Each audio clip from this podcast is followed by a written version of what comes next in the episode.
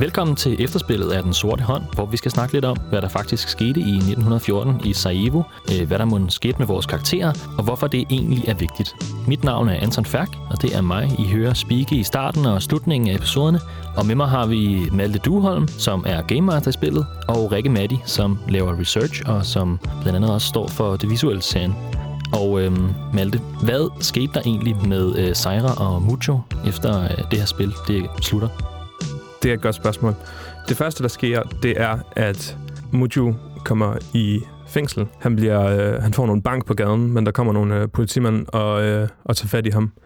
Så kommer han sidenhen for en domstol, og øh, fordi han er 19 år og ikke er fyldt 20 endnu, så øh, får han lov til at sidde i fængsel i 20 år, i stedet for at få dødsstraf. Hvis han har været 20 år gammel, så har han fået dødsstraf. Øh, Vjelko, ham skolelæreren, som vi også møder, i spillet, som der hjælper dem, og som de overnatter hos, får øh, dødsstraf. Og der er en masse andre rigtige historiske personer, der, der også får dødsstraf for at stå i ledtog med dem, bare fordi de er en lille smule ældre, end, øh, end lige gerningsmændene er. Hvad med, hvad med Apis? Altså, Apis fortsætter ret meget sit, sin gørn og laden, som han plejer.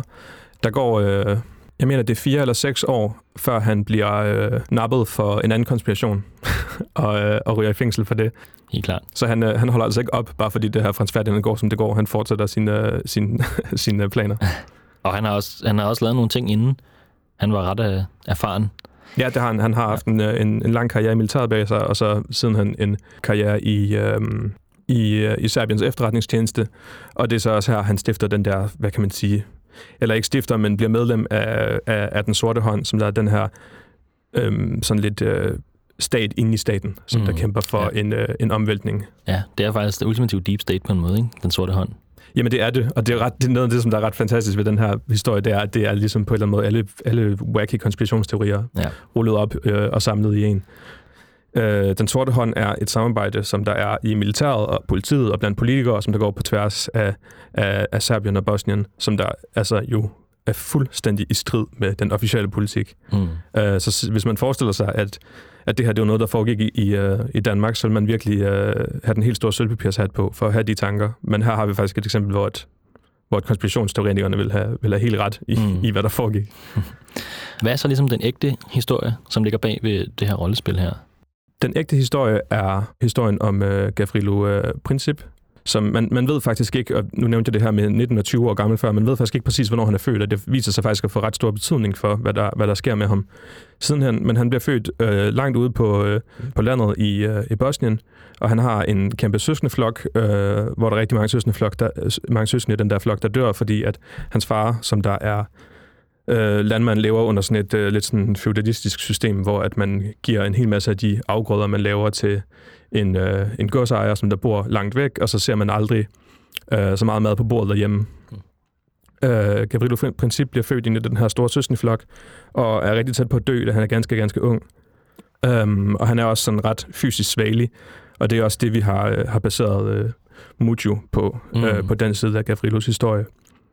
Han øh, kommer i skole i øh, Sarajevo, fordi at hans øh, onkel øh, får kontakt til en en, øh, sådan en træhandelsmand, som der, øh, som der indvilliger i at betale for en skolegang, fordi han godt kan se, at, øh, at Gavrilo han er ret klog. Øh, så han bruger også en del af sin tidlige ungdom og sin barndom i, øh, i Sarajevo. Ligesom vores, øh, vores, øh, vores karakter Mujo og Sejer gør. Mm.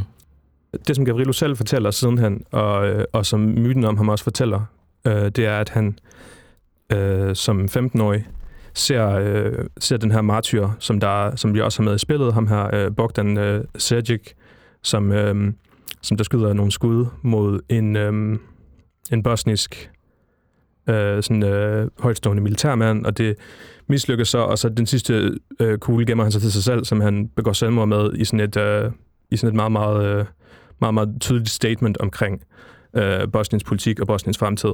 Øh, Gavrilo ser øh, blodet på brostenen, efter at have hørt øh, noget af den tumult, der er ude på gaden omkring det. Han udtaler selv senere, at det her det bliver de der vendepunkter for ham, hvor at han øh, for alvor dedikerer sig til, øh, mm. til, øh, til den her sådan, øh, radikale bevægelse. Efter det her er sket, så beslutter han sig for at øh, tage, til, øh, tage til Serbien for at melde sig ind i, øh, i den her, som der i 1913 kæmper for for Rumænien og Bulgariens frisættelse fra Osmaneriet. Øh, og sådan myten går, at han gik hele vejen derhen. Ja. Øh, og det er altså en gåtur på 300 km eller sådan noget. Øh, og når man forestiller sig ham øh, og hans sådan, øh, fysiske statur, så er det, så er det ret imponerende. Ja. Øh, og også når han krydser grænsen, så øh, smider han sig på jorden og kysser landet, fordi at nu er han i, i Serbiens land, ligesom. Mm. Øhm, men når han kommer hertil, så bliver han så bliver han afslået, og de kan altså ikke bruge ham i herren, fordi at han ikke er, øh, han ikke han ikke er i god nok form, og han er ikke sådan, ligesom, øh, han har ikke, hvad der skal til for at være soldat, okay. de.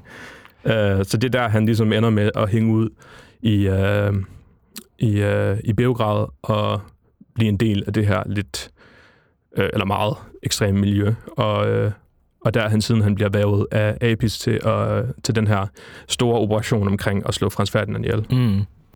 Man ved ikke øh, præcis, hvornår Gavrilo er født, eller man har to forskellige papirer på det, og man ved ikke, i den ene står der juni, i den anden står der juli. Um, så det betyder, at han enten har været 19 år eller 20 år gammel, da han, da han, øh, da han begik mordet. Um, og fordi at øh, retten i, øh, i øh, Sarajevo vurderer, at, øh, at han altså har været øh, 19 år, um, for det var den ældste af de to kilder, så, øh, så har han fået en fængselsstraf. Um, han sidder i fængsel i, jeg har lyst til at sige det, fire år, før at han, øh, han får tuberkulose og, øh, og, og dør af det. Og det, det har ikke været specielt sjovt at, at sidde i fængsel der. Og man gad jo virkelig, virkelig godt vide, hvordan det har været at være ham, og sidde og kigge på en verden, som der faldt fuldstændig fra hinanden over et, øh, et tilsyneladende fuldstændig tilfældigt mor, som ja. han har begået. Så han har ligesom ikke rigtig nogen militær erfaring på det tidspunkt, han blev værvet, ligesom at vi også hører i spillet, at vores spillere ikke har. Nej, fuldstændig. Øhm, det her med, at de bliver trænet i parken for eksempel, er, øh, er, er, er taget ud af historiebøgerne. Det er sådan noget med, at, øh, at man skal spare lidt på kuglerne, og så øh, prøver man at skyde en lille smule og lære at skyde, og det er sådan den træning, han har i det, han, øh, i det, han går ind til og, øh, og, og være med i den her konspiration. Ja. Noget andet, der måske også er værd at nævne, det er, at i den historiske konspiration, der er der flere mulige gerningsmænd til stede ved paraden. De er legnet op i, øh, i, i flere grupper. Altså nogle kilder siger, at de var seks, der er nogen, der mener, at de var helt op til 25. Det varierer sådan lidt. Øh, men pointen er, at, øh, at Gavrilo, som han går derud, er, er slet ikke alene mm. om det her. Øhm, det, at det så ender med at være ham, der, der, der trækker på aftrækkeren, er... Øh, ja, det kan vi jo snakke om, om det er en, om det er en tilfældighed, eller om, om det er i hvert fald, det er i hvert fald ligesom, øh, ligesom et, et, et, et twist i historien, og det var ikke... Øh, Apis har ikke udelukkende sendt folk ud, som der ingen militærtræning havde til at gøre Nej. det her. Men det er rigtigt, som vi også hører i spillet, at der står nogen flere steder placeret rundt omkring på ruten. Det gør der. Og Gavrilo, som altså karakterernes ophavsmand, hvor stod han henne? Uh, jamen, han stod, hvor, uh, hvor Mutu står, ja. uh, Kenneths karakter.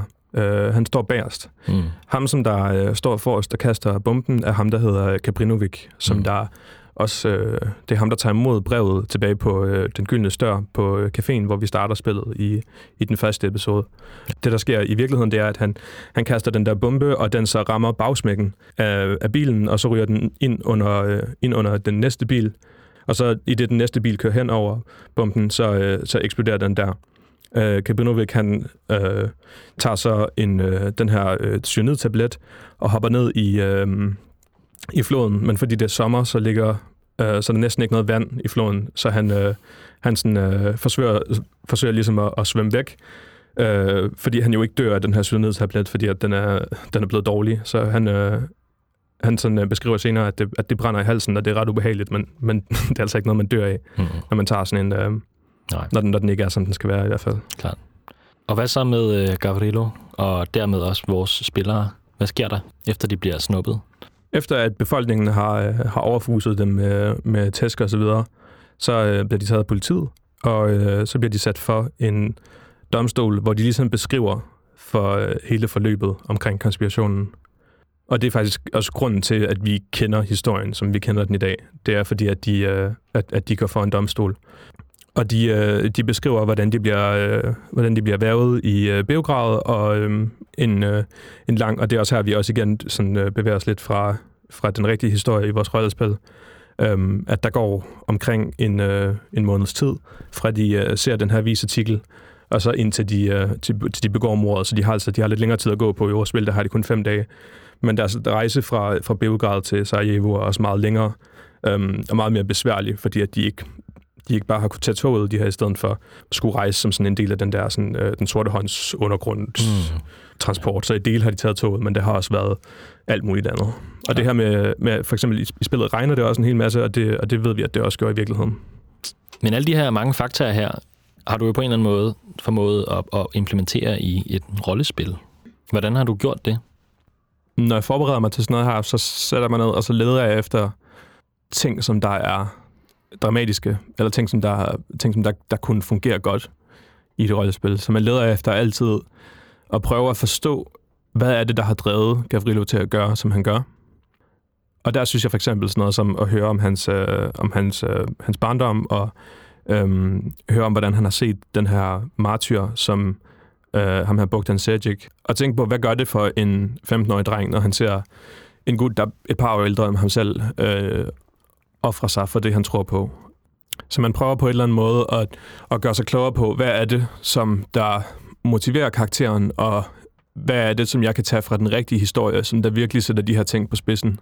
Og der synes jeg, at for eksempel ham her, Martyren og Martyrens krav, er et mega godt, øh, nærmest en helt filmisk eksempel på, mm.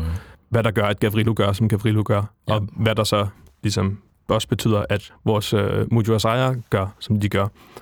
Jeg synes også, altså hele den her scene med Apis på den gyldne stør tilbage i, øh, i Beograd, som, som spillet åbner med, er også bare sådan på et eller andet måde helt, øh, helt vildt filmisk. Altså, fordi hvis, altså, det er på en måde det perfekte anslag. Ja. Øh, vi er allerede inde, altså sådan, du ved, sådan, vi er ekstremt hurtigt inde i historien. De skal ikke falde over plottet.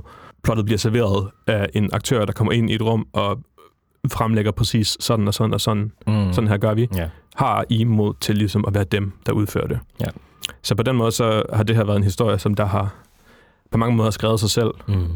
og øh, og øh, hele klimakset, hele, det, hele den, de, den store finale der, er også bare sådan en, som jeg jeg altid gerne har vil fortælle, yeah. siden vi startede med at lave det her. Og jeg kan huske, at vi snakkede om det, helt da vi lavede vores første spil, sådan, åh, vi skal lave den sorte hånd, og sådan noget. Mm. Og, det var, øh, og det var bare sådan fuldstændig, øh, fuldstændig oplagt, fordi at den her historie, den bare er så sindssyg, som den er. Ja, og altså, Gavrilo Princips historie er jo så den ene side af det.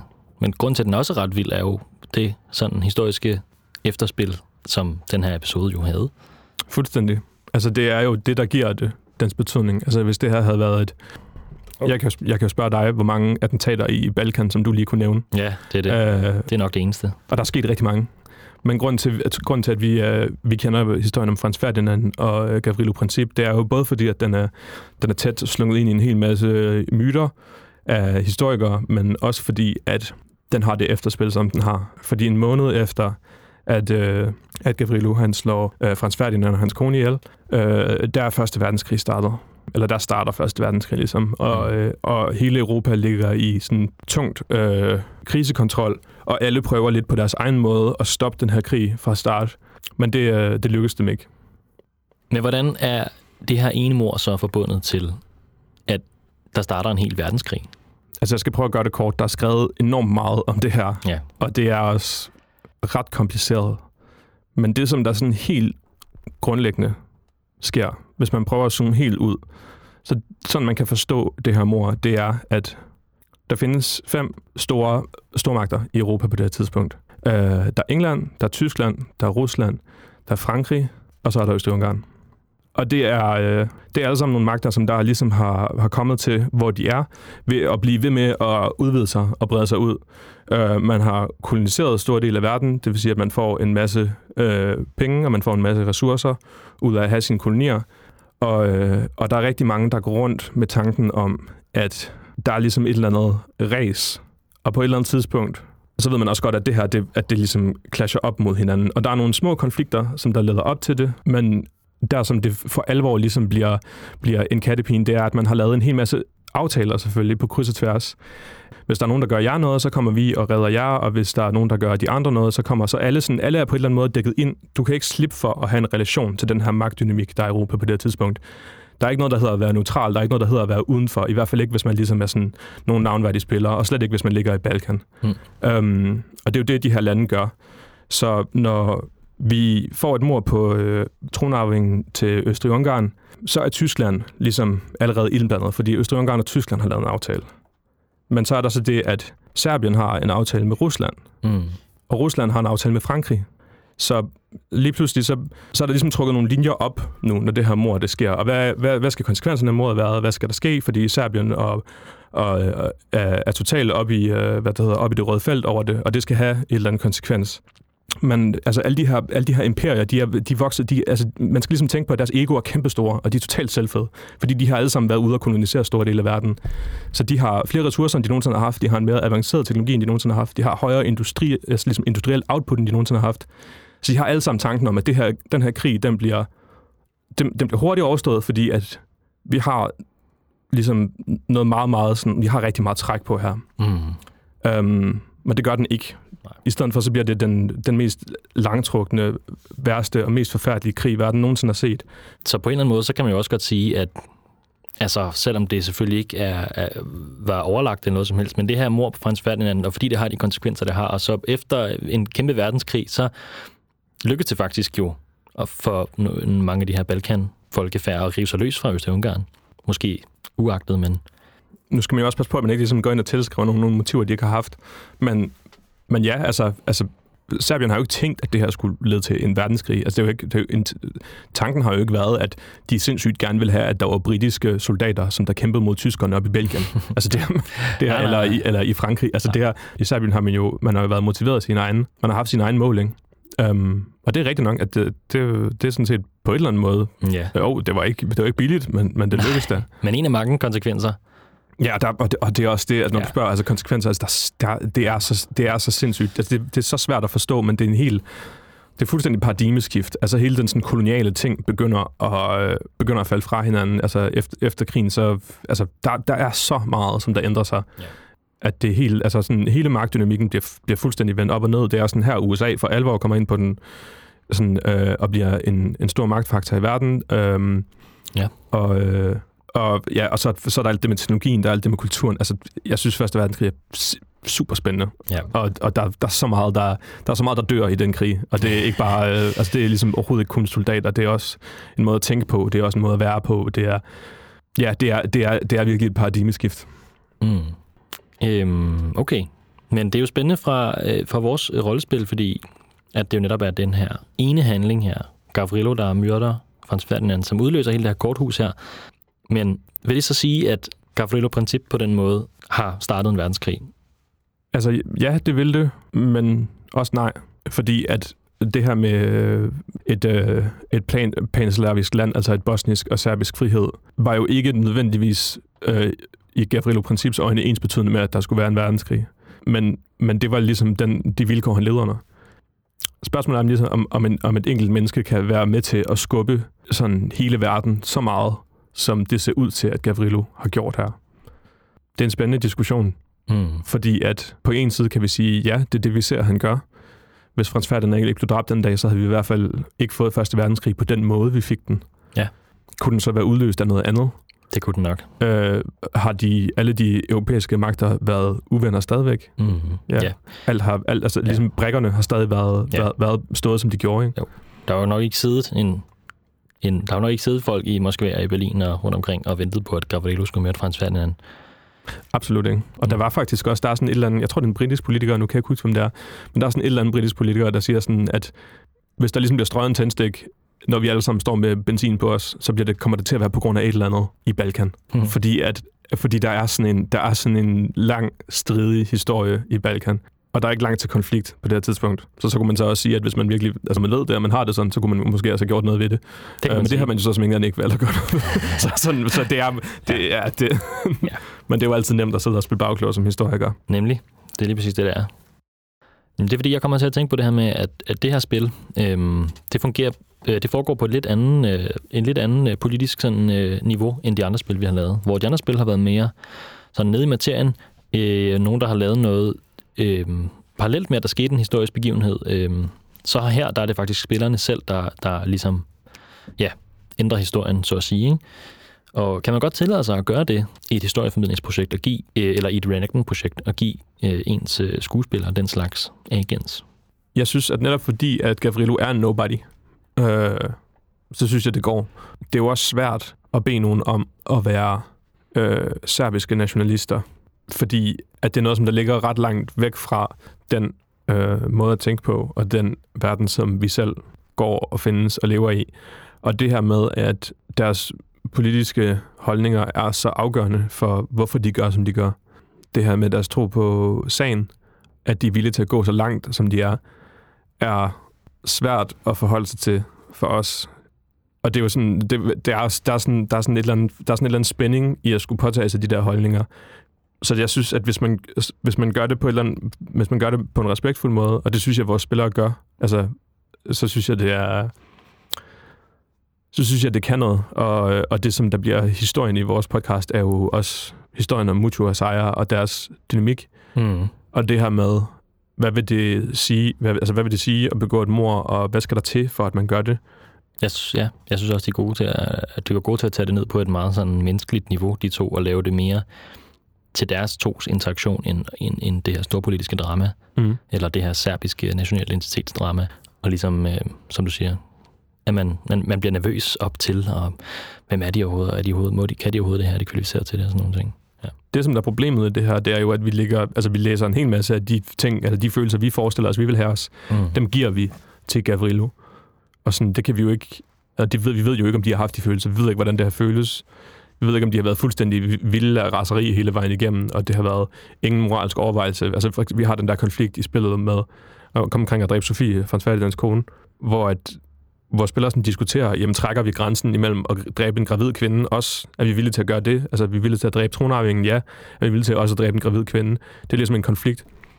Øhm, jeg tror ikke, jeg ved det ikke, men jeg tror ikke, at det overhovedet har været den samme konflikt for, for de mennesker, der i virkeligheden har gjort det her.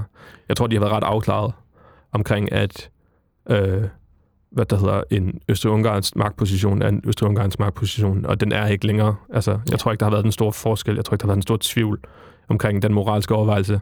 Men, men vi fremstiller en historie, hvor det ligesom er, er en af temaerne. Ja, det er i hvert fald svært, og vi kommer aldrig til at finde ud af det, kan man sige. Nej, altså, om de har haft nej, altså måske kan vi sådan virkelig gå, gå dybt i kilderne og, og, blive, og blive klogere på det, men, men kommer vi nogensinde til at finde ud af det? Det gør man jo ikke. Men det tænker jeg vel også er en, et princip bag reenactment, at, at der vil være nogle ting, man ikke kan, kan garantere med Valdi, som vi også har talt om. Øh, kunne leve sig ind i det 100 procent, fordi det har man slet ikke konteksten til, ellers så vil man aldrig nogensinde kunne behandle noget som helst. Mm. Ja. Øh, jeg synes, at vi vælger at bruge reenactment centralt i vores projekt. Samtidig vil det være kedeligt og også meget urealistisk, hvis man ikke prøver at tillægge nogle følelser. Og altså, så man skal på en måde tage en beslutning om, hvad det er for nogle følelser, man lige har tænkt sig at tillægge dem ja. i det tidspunkt, man gør det. Ja, og det er uden tvivl en total moderne fortolkning. Altså, vi tager en meget moderne moral med tilbage til den her tid. Vi tager en meget moderne forståelse af, hvad det vil sige at slå ihjel, hvad der er godt og forkert, og hvad der er, hvad der er retfærdigt. Ja, og vi kan jo heller ikke, vi, jeg har hverken lyst eller vil bede nogen om at, at, at påtage sig nogle meget, meget ekstreme holdninger, som de ikke har, fordi det her, det er også, så gammelt er det her heller ikke, og det vil også være ubehageligt. Øhm, at skulle sidde og, og, og sådan sidde i det der space. Så det, det er totalt en balance på alle mulige måder. Ja. Tak fordi du har lyttet med på Den Sorte Hånd og på den her episode af Efterspillet. Vi vil rigtig gerne opfordre til, at man går ind og følger os på Instagram, hvor vi gør opmærksom på, når der kommer nye episoder, og hvor vi deler ekstra content, såsom billeder fra spillet eller fra historien undervejs. Vi vil også gerne opfordre til at skrive til os med ris eller ros, eller med spørgsmål, man kunne sidde inde med, eller hvis man har en idé til et rollespil, som man synes, vi skulle tage at lave herinde. Vi er tilbage i næste uge med et nyt eventyr, og det kommer blandt andet til at lyde lidt sådan her. Tusind tak, fordi du lyttede med. Kender du nogen, der går med hæl? Der skulle da ikke nogen, der går med hæl herude. ja, vi skal i hvert fald undersøge det her, og vi skal nok være lidt forsigtige, tænker jeg. Ja, så hunde har jo ikke lugtet noget. Nej, men øh, jeg har en dårlig fornemmelse med det her, faktisk. Nå, dit... Ja. Ja. Jeg ved det jo ikke. Nej, nej. Nej, men jeg tror du, efter så lang tid vil de komme? Ja, Ej, det... og jeg tror godt, de kunne finde på det. Det er sgu lidt underligt.